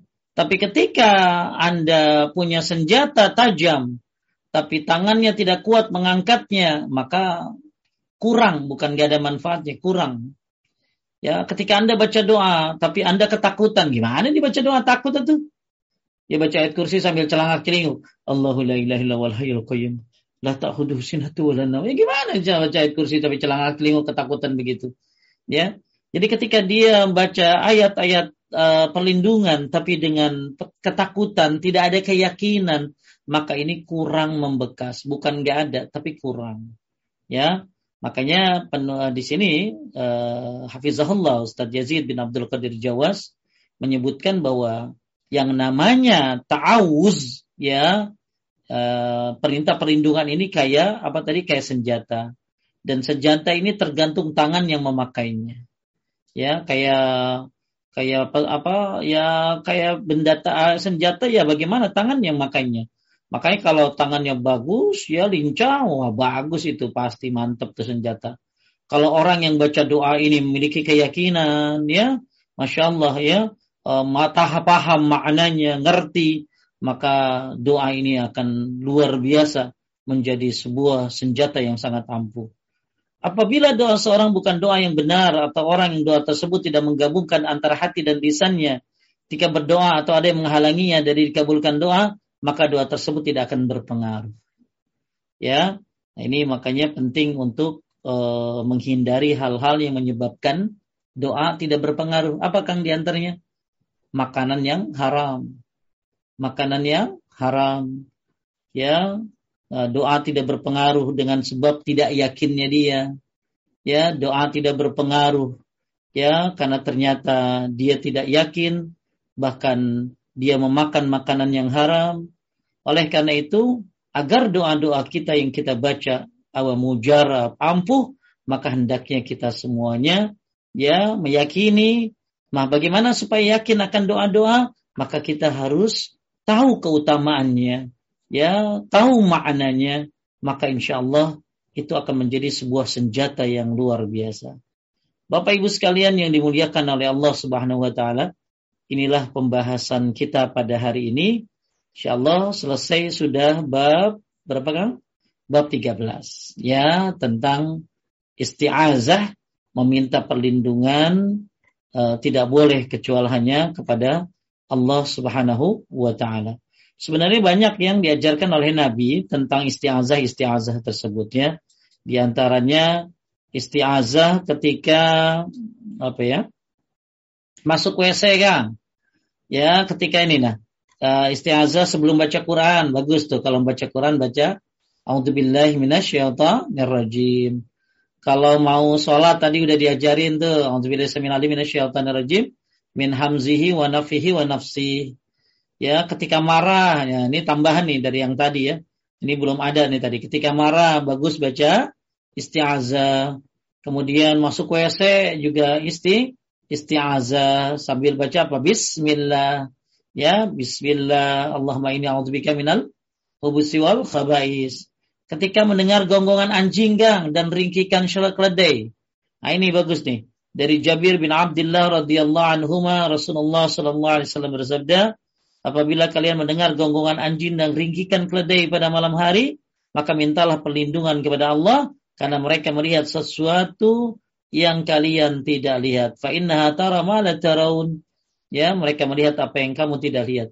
Maka kalau gonggongan anjing ya minta perlindungan kepada Allah ya dalam kondisi ketakutan ya. Uh, apa ketika kita dalam kondisi ketakutan baca tuh doa ya. Uh, bisa dengan baca doa bismillahi a'udzu bikalimatil tammati min ghadabi wa iqabi wa wa min hamazati syayatin wa yahdurun ya. Kemudian ketika meruqyah tadi udah ya. Uh, apa a'udzu bikalimatil tammati min kulli syaitan wa hammatin min kulli ainin lammatin. Nah, ketika masuk masjid ini jarang nih Kang. Orang kalau masuk masjid jarang ada yang baca apa baca doa ini. Kebanyakan bacanya cuman Bismillah wassalatu wassalamu ala rasulillah Allahumma ftahli abu rahmatik. Ini bagus kalau masuk masjid baca ini kan. A'udzu billahil azim wa biwajhil karim wa sultanihil qadim minasyaitonir rajim. Ya jadi kalau masuk masjid bagus minta perlindungan kepada Allah. A'udzu billahil azim wa biwajhil karim wa sultanihil qadim minasyaitonir rajim maka ya uh, barang siapa membaca itu maka setan akan berkata kepadanya apa kata setan? Ya hufiza minni sairal yaum. Kata setan dia terjaga dariku sehari penuh. Ini doa masuk masjid yang jarang nih ya. Ya masuk masjid termasuk beristiazah.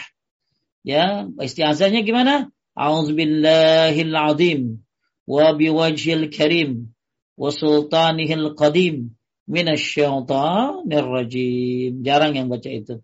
Atau ketika was-was dalam salat, ya kita minta perlindungan kepada Allah. Ya, lagi salat diganggu mulu baca untuk minasyaitonir rajim ludah ke kiri. Ya, tapi ludahnya itu ludah ini ya, ludah tiupan ya, tiupan. Bukan ludah campur dahak.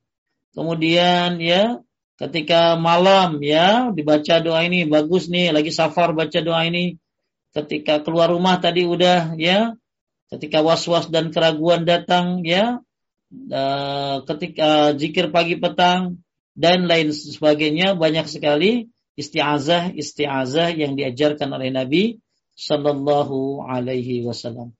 Mungkin itu aja yang bisa saya bahas pada pada pertemuan kali ini. Mudah-mudahan ya kita bisa sering-sering isti'azah karena siapa yang isti'azah berarti dia lagi ibadah.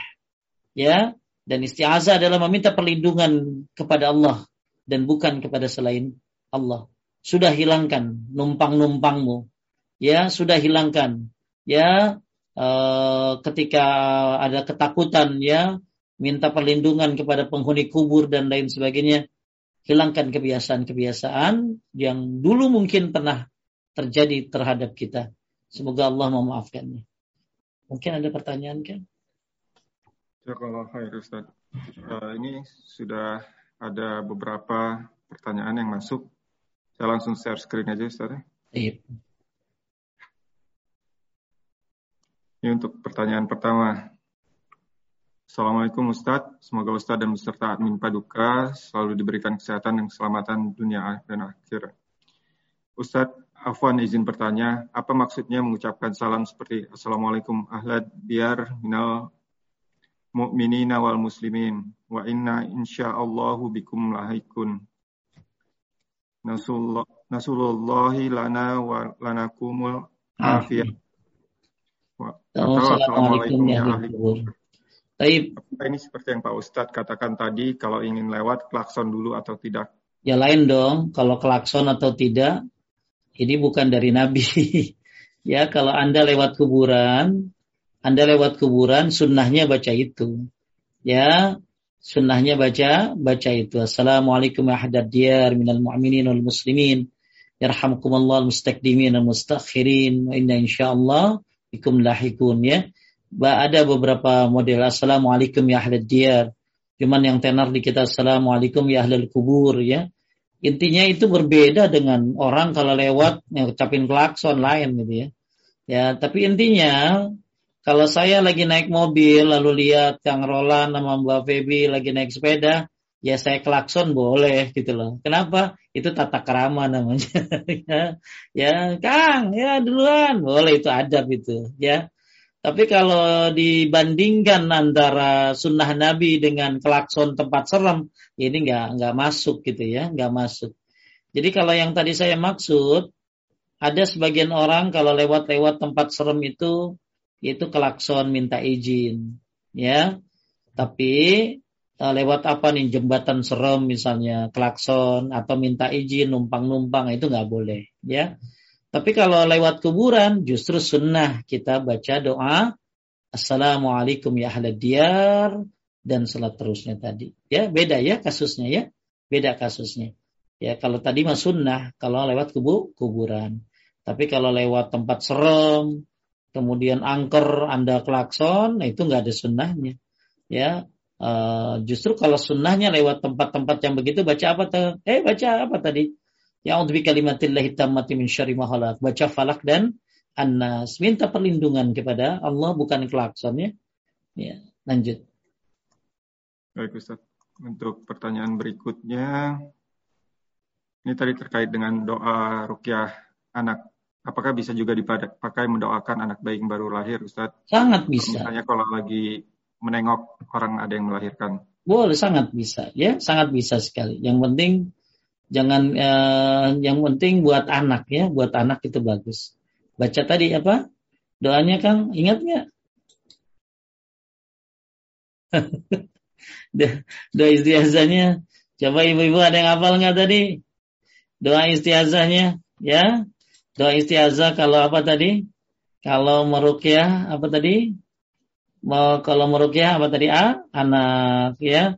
Jadi uh, apa A'udzu bikalimatillahi tammati min kulli syaitanin wa hammatin wa min kulli ainin lammatin ya. Nah, ini saya share apa saya ini ya, saya apa? Oke, saya chatting ya. Uh, saya chat ibu-ibu silakan kopas aja doanya supaya merukyah anak ya sebagaimana Nabi Ibrahim kepada Ishak dan Ismail dan Nabi Muhammad SAW kepada Hasan dan Husain. Ya, lanjut. Uh, pertanyaan berikutnya, uh, Ustaz, untuk membaca surat Al-Baqarah tadi harus diselesaikan dalam sekali baca atau bisa berapa malam atau hari? Ya semampunya. Dalam... Intinya sih fattakullah mastata'atum bertakwa semampunya. Kalau ibu bisa sehari sekali ya oke banget gitu ya. Tapi nggak bisa ya berapa kali bagi-bagi. Ya mungkin seminggu beres, tiga hari beres ya. Tapi ya kalau pengen cepat beres ya biar cepat-cepat urusan lancar ya keluar tuh dari dalam rumah semua ya bagus sehari beres tentunya. Jadi kalau lagi butuh kan biasanya rajin ya, rajin. Ya, mungkin tiga jam kali baca Al-Baqarah ya. Lanjut atau dua jam? Lanjut. Baik Ustaz. Uh, berikutnya ini terkait dengan membaca surat Al-Waqi'ah dan surat Al-Mulk setiap malam Ustaz. Untuk hadisnya apa ada hadis yang sahih? Kalau Al-Waqi'ah ada riwayatnya habis asar tapi tidak tidak tidak sahih ya.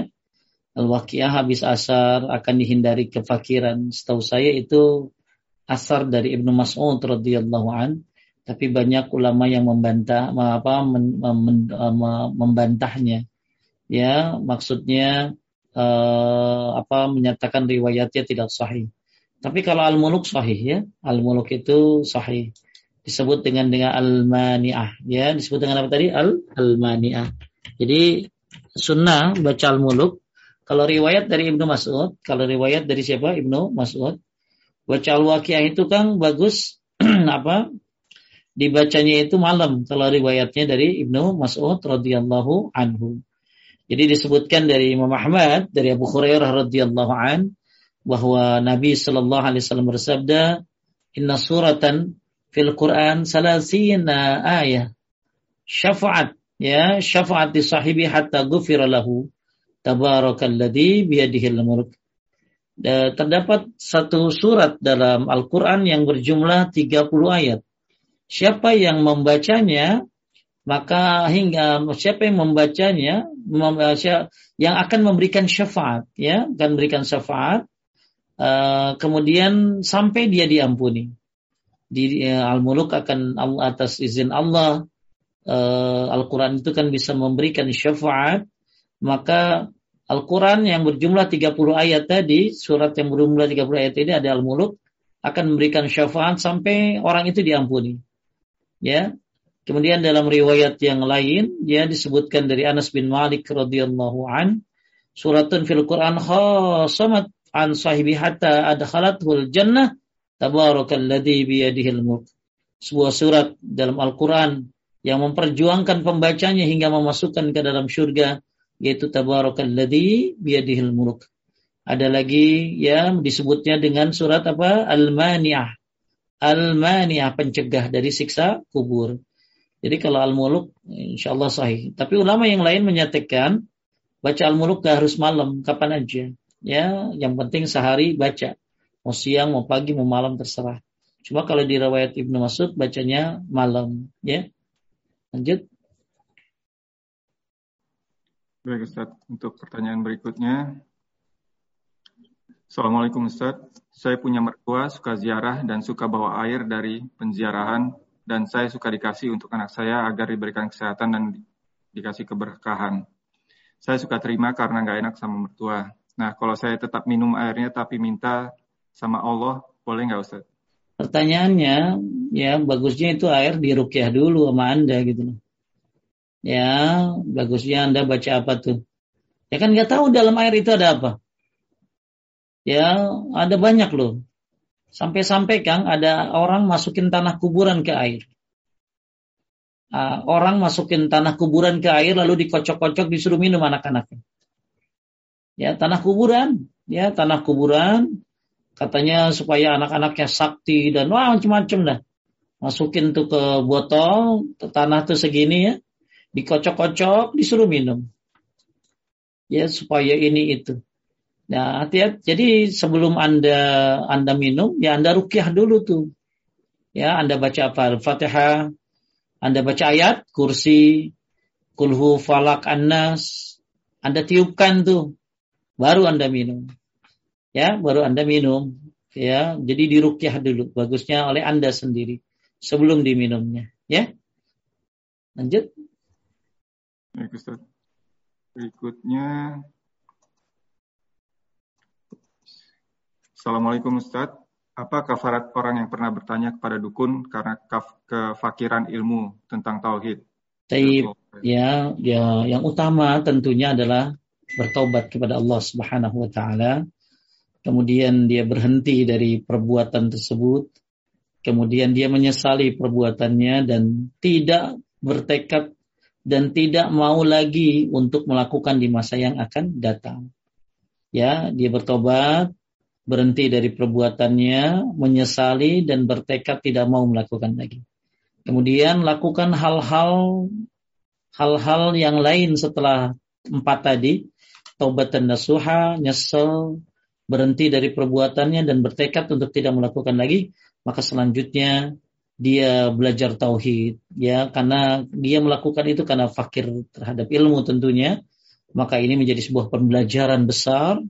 Dia belajar tauhid Eh, kemudian dia banyak melakukan amal-amal soleh sebagai penutup.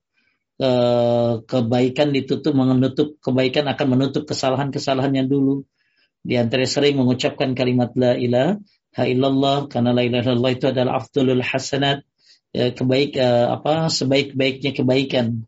Ya, jadi tobat ya nggak usah putus asa. Ya, apa yang ibu lakukan tentunya banyak yang melakukannya, bahkan banyak lebih parah daripada ibu. Tapi kalau dia bertobat kepada Allah, innallaha yaghfirul kabair fala. Allah itu mengampuni dosa-dosa besar, maka janganlah kalian putus putus asa, ya. Lanjut belajar tauhid yang benar, perdalam sunnah, ya, perbanyak zikir-zikir yang syar'i. Insya Allah, ya, Allah mengampunkan dosa-dosa kita uh, kalau kita mau menjadi lebih baik. Lanjut. Berikutnya Assalamualaikum. Bagaimana dengan pohon bidara yang katanya ada dalam Al-Quran? Bolehkah ditanam di rumah dengan niat perlindungan? Ya, jadi di mana? Di mana pohon bidara di darat? Pohon bidara itu uh, ada ya. Saya nggak tahu kalau pohon bidara. Jadi pohon bidara itu itu uh, apa ya? Pohon bidara itu dulu tuh untuk bersih bersih kan. Ya, pohon bidara itu dulu untuk bersih bersih Misalnya orang haid, ya kayak mayit kan pakai apa? Daun bidara kan? Ya kalau sekarang nggak ada daun bidara ya pakai apa? Pakai sabun gitu loh. Makanya, uh, tapi boleh apa? Uh, setahu saya boleh kata siapa Syekh bin Bas ya untuk uh, merukyah dengan daun bidara boleh boleh saja. Tapi yang paling bagus dengan minyak zaitun, minyak zaitun. Jadi kalau saya juga uh, pernah dengar tanam pohon bidara, tanam pohon bidara ya. Tapi saya belum belum belum temukan apa ya riwayat-riwayatnya yang yang yang apa ya yang yang yakin gitu ya. Jadi intinya pohon bidara itu dulu dibuat bersih-bersih. Ya, dibuat apa? Bersih-bersih untuk apa? Untuk untuk apa? Untuk ya untuk apa? Untuk mayit ya dan lain-lain. Tapi kalau ibu mau tanam ya tanam aja nggak apa-apa. Cuman saya belum apa belum belum belum belum belum belum yak apa belum menemukan bahwa ini bisa mengusir ini bisa mengusir ini dan lain sebagainya. Ya, wallahu a'lam. Lanjut. Berikutnya Ustaz, uh, ini agak panjang. Bismillah, Assalamualaikum warahmatullahi wabarakatuh. Semoga Ustadz dan keluarga, jemaah kajian paduka dan semua umat Nabi Muhammad di mana pun berada selalu dalam lindungan rahmat Allah Subhanahu Wa Taala. Amin ya Allah. Afwan Ustadz, saya pernah beli kalung kesehatan terbuat dari nikel dibalut emas. Waktu beli, waktu beli manfaatnya untuk sehat, sakit, pegal-pegal dan punggung. Apakah ini boleh Ustadz? Dan dua tahun yang lalu beli batu dari satu produk yang katanya membuat air yang kita minum bila dicelupin batu airnya lebih sehat buat diminum. Intinya untuk kesehatan. Sekali lagi apakah ini boleh Ustaz? Kalau tidak boleh bagaimana ya Ustaz sebaiknya saya saya buang. Selama ini saya jarang pakai dan tidak ada tidak ada rasa manfaatnya. Ya udah kalau gitu buang. buang.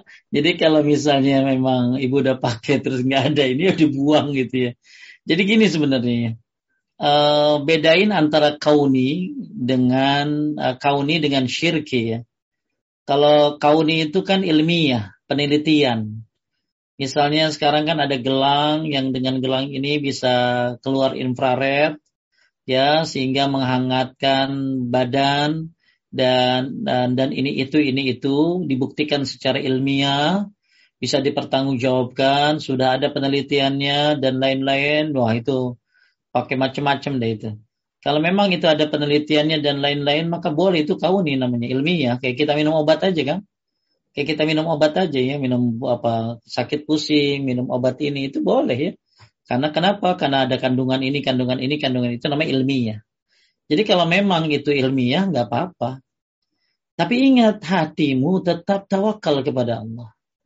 Walaupun minum habatus sauda, zaitun, madu, tetap hati mah bertawakal kepada Allah. Kalau itu kan pengobatan syar'i namanya ya. Itu namanya pengobatan syar'i kalau madu, zaitun, apa tadi? Habatus sauda, bekam, rukyah itu kan syar'i. Tapi tetap hatimu bertawakal kepada Allah Subhanahu wa taala. Nah, ketika ketika Anda beli barang kauni ilmiah yang bisa jadi kebanyakan gini, Kang ya. Orang beli beli gitu tuh karena iklannya gitu. Iklannya banyak. Iklannya kenceng terus yang mainin artis lagi. Siapa yang beli ini?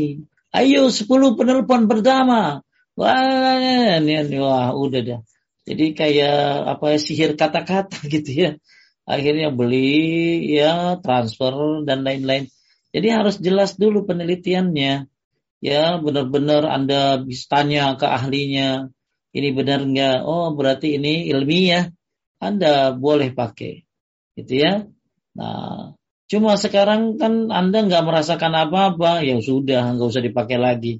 Mendingan uh, apa olahraga ya mendingan uh, melakukan hal-hal yang jelas saja ya berarti kurang kurang peneliti kurang penelitiannya kali ya wallahu a'lam jadi ada yang membolehkan kali itu memang benar-benar penelitian yang ilmiah ya sebagaimana obat akan tetapi hatimu tetap bertawakal kepada Allah Subhanahu wa taala lanjut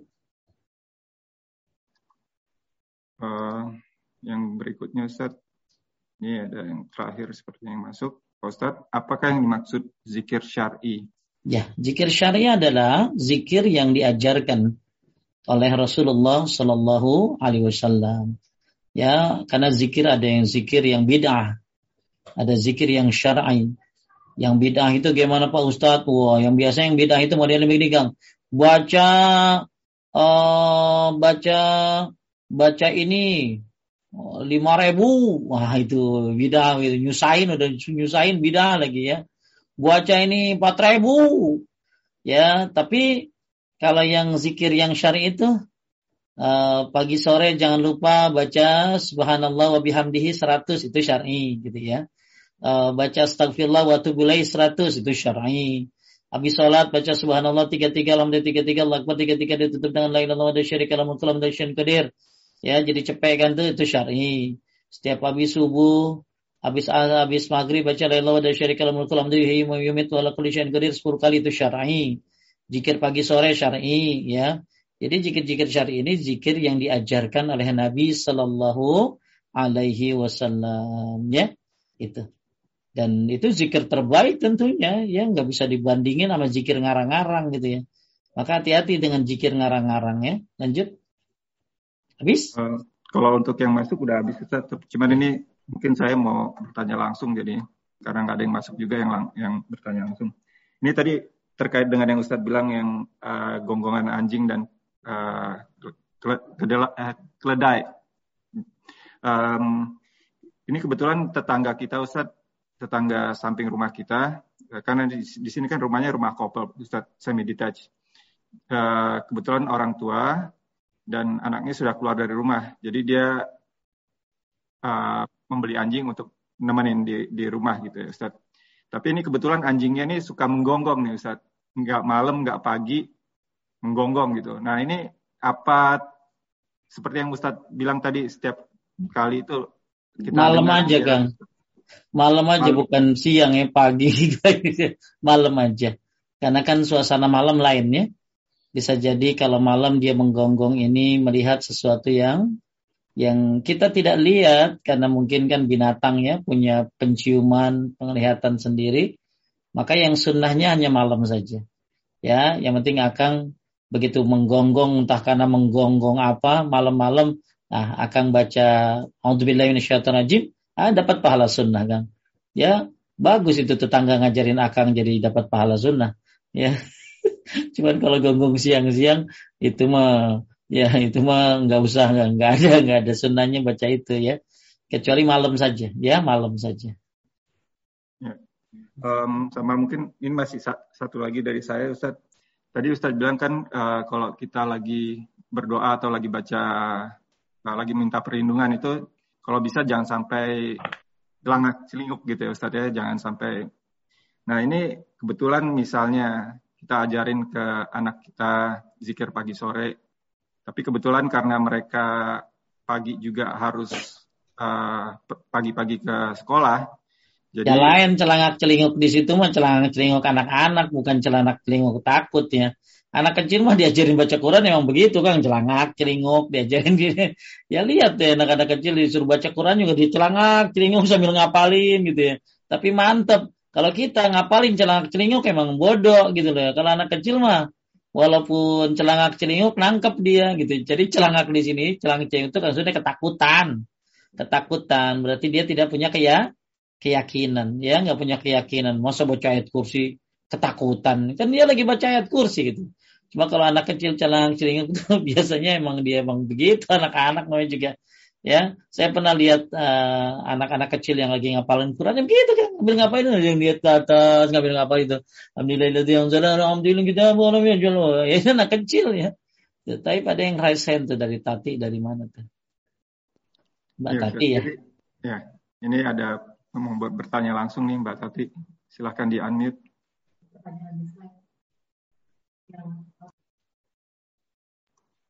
Mbak Tati, boleh di unmute. Oh, bisa, bisa. Assalamualaikum, Ustaz. Waalaikumsalam. Lama ya, nggak dengar suaranya. Supaya nggak ngantuk. Ini banyak sekali yang tanya pada saya dan saya selalu sulit untuk menjawab. Kalau uh, mereka mendengarkan apa koroh itu uh, di tape atau di uh, uh, uh, any any gadget, bukan manusia yang uh, membaca, uh, Apakah baca apa? Baca apa bu? Uh, uh, Baqarah. Al-Baqarah ya taib. Jadi hmm. disuruhnya baca bukan dengar. Ya, kalau kan begitu banyak, banyak rivat itu iya. yang tidak bisa baca. Iya, uh, jadi minimal kalau setahu saya gini. Kalau yang utama itu baca ikra, ya kan ikra suratul Baqarah baca. Uh, apalagi ada yang lain Kang, bukan baca gantung. Kalau yang dengar masih bagus Mbak Tati, malah ini gantung ya Al-Baqarah digantung maksudnya di dijadiin hiasan gitu ya. Jadi yang utama adalah memang membacanya. Nah sekarang kalau dia nggak bisa baca Mbak Tati, ajarin yang pendek apa tuh? Falak dan Anas. Ya, Falak dan Anas. Tapi Pak Ustadz, gimana kalau saya suka dengerin Al-Baqarah aja gitu ya? uh, walaupun nggak baca itu tentunya masih lebih baik dibandingkan dia tidak membaca dan tidak mendengar. Tapi yang utama, yang bagus adalah membacanya. Tapi kalau dia nggak hafal baca Al-Baqarah, ya nggak bisa baca Quran, nah bisa nggak dia baca Falak Anas? Ya, Falak Anas ajarin. Nggak bisa juga Pak Ustadz. Kasih yang pendek apa? A'udzubillahi minasyaitonir Nerrajim. Mbak Tati pasti apal dong. Ya, kasih tahu nih, kasih contekan nih, ini baca nih yang banyak. Auzubillah, kasih latinnya mungkin kalau dia nggak bisa ya.